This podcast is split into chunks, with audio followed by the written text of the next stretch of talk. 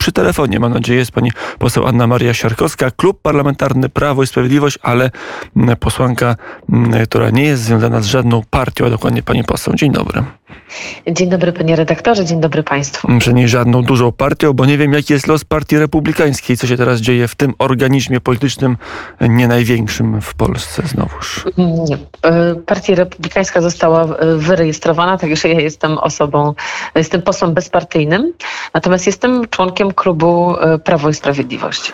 Właśnie tak, coś pamiętałem, że z tą partią republikańską coś się stało, ale nie wiedziałem, że coś tak ostatecznego jak wykreślenie z listy partii politycznych to brzmi strasznie smutno. To może kiedyś się umówimy na opowieść o historii partii republikańskiej w Polsce. Mm, myślę, panie rektorze, dużo by tutaj powiedzieć, dość, dość, dużo by tutaj na ten temat opowiadać, dość powiedzieć, że y, część republikanów ponownie zarejestrowała y, partię republikańską, także też można znaleźć partię republikańską już w rejestrze, aczkolwiek to y, nieco inny, nieco inny odłam republikanów i on tworzy, także myślę, że tutaj to jest taka trochę never ending story. Jest to powiedzenie, którego ja nie lubię i z którym się nie zgadzam i zawsze się oburzam, jak ktoś mi je prezentuje, ale może ono jednak jest prawdziwe, że gdzie dwóch Polaków, tam trzy opinie i nawet w tak niedużej partii jak Partia Republikańska są odłamy. Jedni wyrejestrowują, drudzy zarejestrowują. Cóż to jest za historia też, Polska w pigułce. Może nie, tak, może nie tylko partii, co bardziej e, w środowisku, tak, szerzej. Mhm, no oczywiście. Środowisko Są różne koncepcje. republikańskie to na pewno fascynująca opowieść, ale też fascynujący był tydzień w polityce. E, trzeba było przyjąć albo odrzucić pieniądze pieniądze europejskie, a dokładnie zwiększenie środków własnych Unii Europejskiej. Pani poseł jest w tej wyjątkowej grupie trzech polityków, trzech posłów klubu parlamentarnego rządzącego Prawo i Sprawiedliwość, które nie należy do, do, do Solidarnej Polski, więc nie ma tego parasola ochronnego ministra sprawiedliwości Zbigniewa Ziobro, a mimo to zagłosowała pani przeciwko dyscyplinie klubowej. Co się z panią stanie?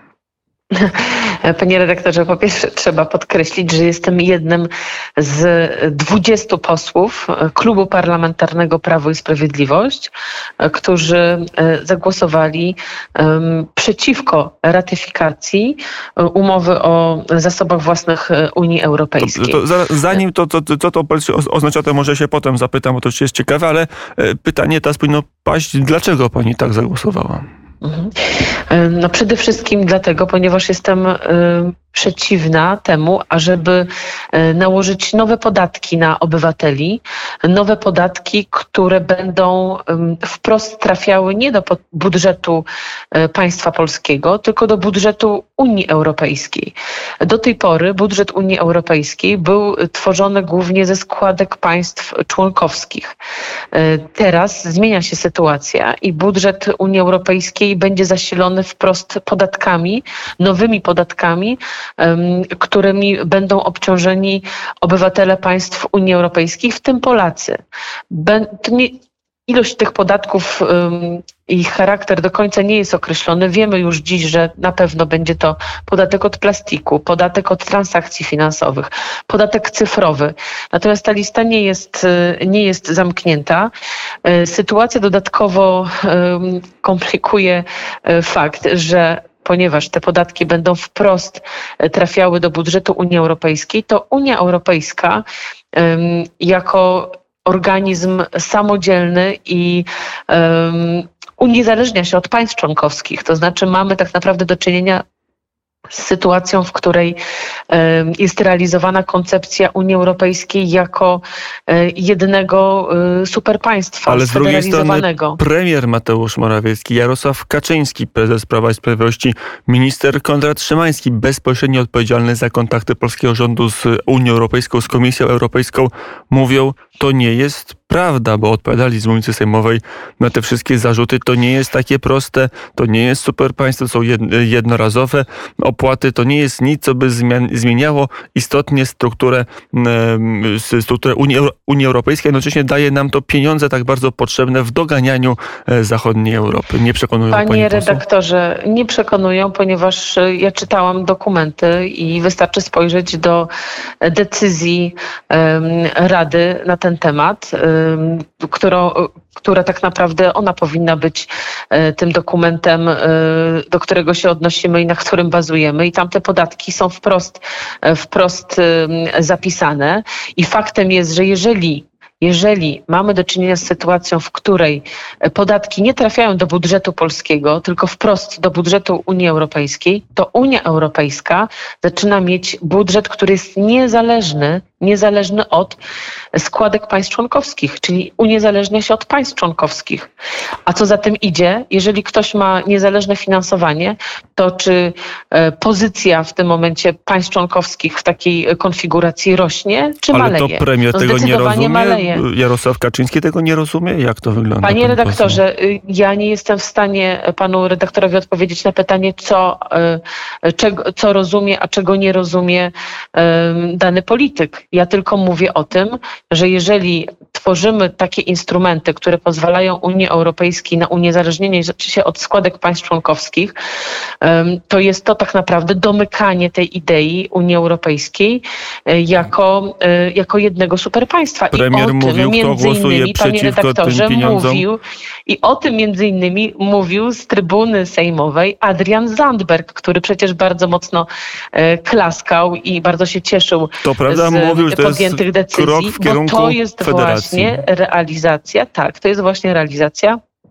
tej idei Unii Europejskiej, Ale to, jak rozumiem, która jest bliska pani skrajnej lewicy. E, uciekł od odpowiedzi, czy Mateusz Morawiecki, czy Jarosław Kaczyński zdają sobie sprawę, ale e, no, chyba muszą sobie zdawać sprawę z rozwiązań, które przyjmują, czy zrobili to bezwiednie?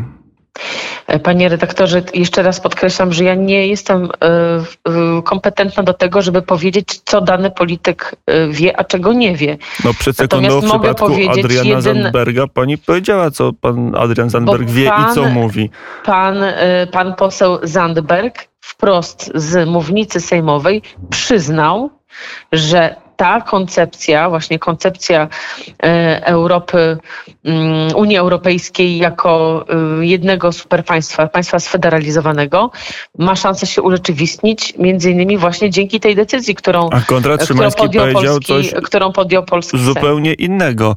Mm, I dlaczego pani mu nie uwierzyła? Bo on się bo... myli, bo nie umie czytać dokumentów, czy czy może jednak e, robi to świadomie i wprowadza w błąd nie wiem, dlaczego, Nie wiem, dlaczego pan minister Konrad Szymański e, e, w tym momencie mija się, mija się z prawdą, ponieważ mówi, mówi no nie wygłasza jakby opinii, tylko no podaje fakty, które tutaj nie mają, nie mają potwierdzenia w, w dokumentach. Ja bardzo też polecam na stronach chociażby też Solidarnej Polski ukazał się raport dokładnie na ten temat, taki analityczny, który, który ukazuje co tak naprawdę wiąże się z decyzją, którą, e, którą już e, przedwczoraj podjął polski, to polski Sejm. Wiemy, podatki nowe nakładane na polskich obywateli przez Komisję Europejską i do Komisji Europejskiej, do Brukseli bezpośrednio z pominięciem Warszawy, no i innych stolic państw członkowskich płynące.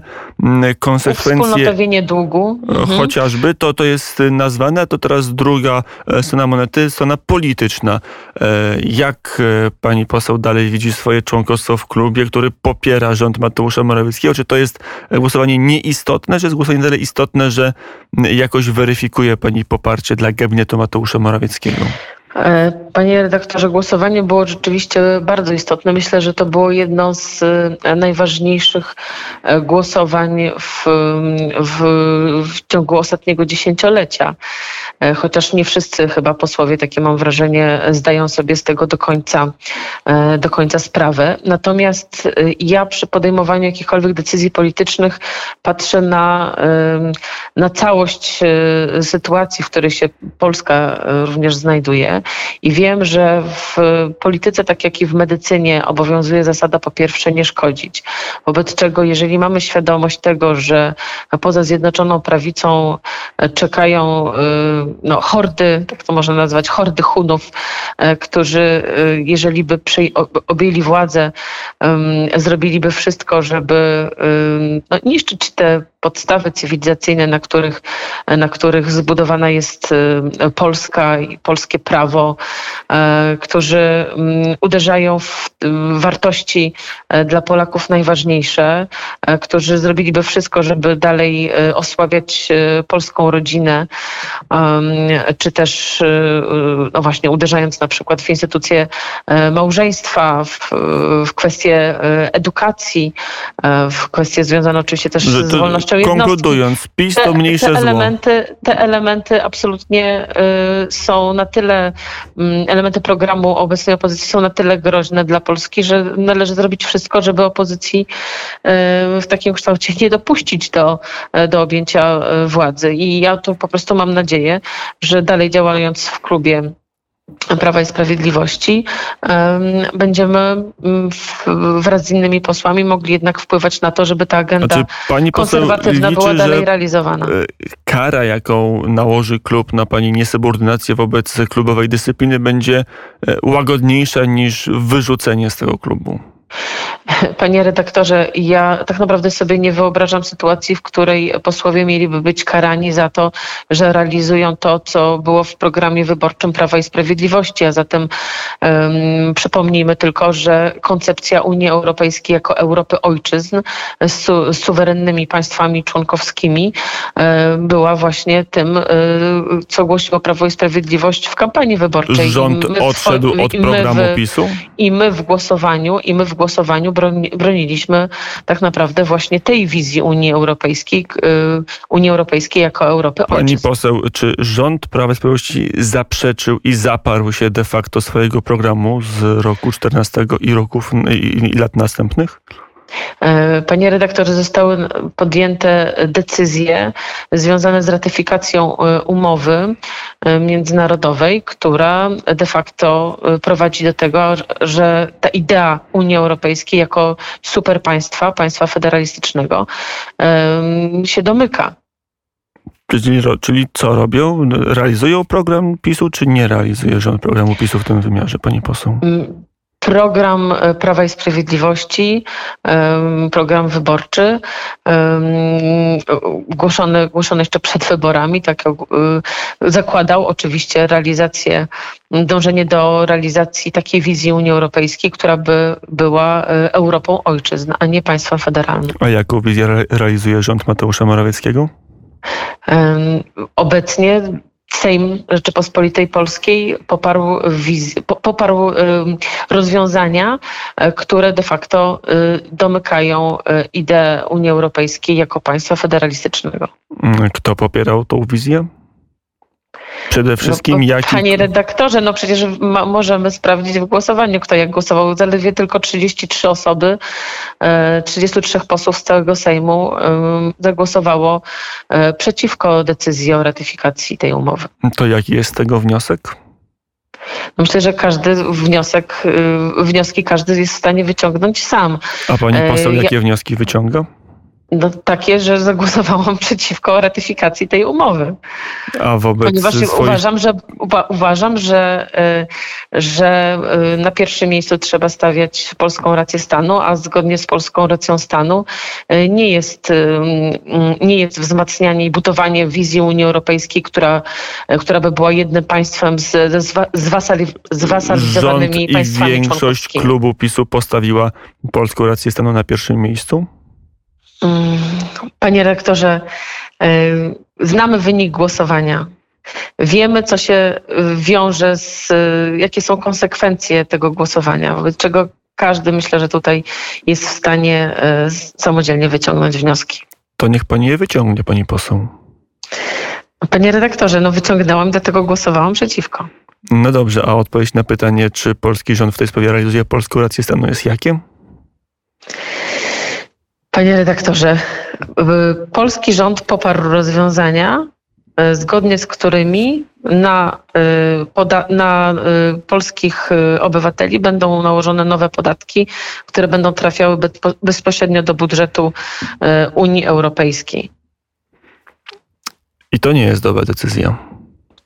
Decyzja, w której, w ramach której wzmacniana jest mm, Unia Europejska jako jako e, instytucja, w której są podporządkowane państwa członkowskie, której e, państwa członkowskie mają e, coraz mniej do powiedzenia, również w obszarze finansowym, nie jest z punktu widzenia polskiej racji stanu dobra. Powinniśmy realizować wizję zgodną z programem wyborczym PiSu, czyli wizję Unii Europejskiej jako Europy ojczyzn. Mm, pytanie na koniec, czy wystąpi Pani do albo do koła Konfederacji, albo do partii Zbigniewa Ziobry, bo takie dwie przestrzenie chyba się przed panią poseł otwierają. O tym mówił i, i politycy Solidarnej Polski, i politycy Konfederacji również. E, panie redaktorze, na tę chwilę e, pozostaje posłem bezpartyjnym e, i członkiem klubu Prawo i Sprawiedliwość. Żadne inne decyzje nie zostały podjęte. Jutro będzie tak samo? Myślę, że będzie podobnie jutro. Anna Maria Siarkowska, poseł bezpartyjny w klubie parlament, zasiadająca w klubie parlamentarnym Prawo i Sprawiedliwości, była gościem popołudnia wnet. Bardzo dziękuję za rozmowę. Bardzo dziękuję, pozdrawiam. Do usłyszenia.